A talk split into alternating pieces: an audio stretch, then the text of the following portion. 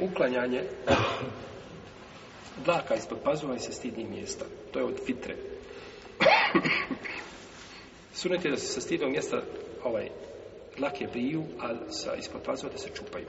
To je sunet. Net, net je čupanje. Net, i ibit. Čupanje, znači, tako je, one se tako, no međutim, ko obrije isto tako mašinom da skine ili sa ovaj, o, nečim drugim, on je uradio ono što se traži od njega.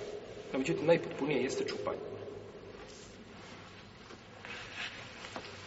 I zato ne treba da ostane duži vremenski period, kao ni po pitanju noktiju, jeli, a da se to ne, ovaj, ne, ne uklanja i kako došlo od Isu Enesa ibn da je poslanik na svemu odredio 40 dana. Preko 40 dana, ako pređe čovjek i to ne čini, onda je griješan. Što ne znači da, da ćeš pustiti 35 dana da rok te ne, ne sjećeš. To ne, ne zna. No međutim, ćete postavljati nekakva kranja, granica, jeli, za čovjek. A svakako je lijepo da se ovaj, ovaj, da čovjek uvijek bude u najljepšem izgledu, znači i da ne dozvoljava, znači, da dođe ni blizu, znači, taj period.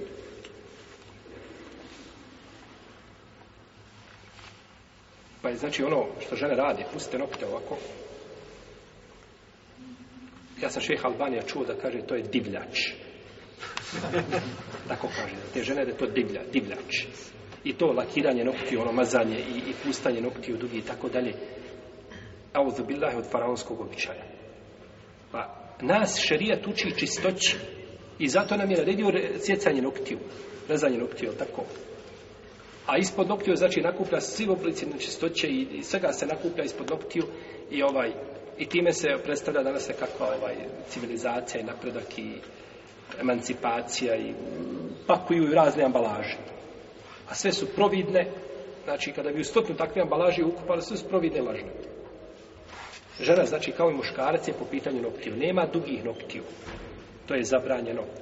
Znači, znaš ako pređe ovaj period, onda da ne govorimo. ono nastavljanje noktiju i tako dalje. Znači sve su to običaji koji se kose sa šarijatskim, sa šarijatom.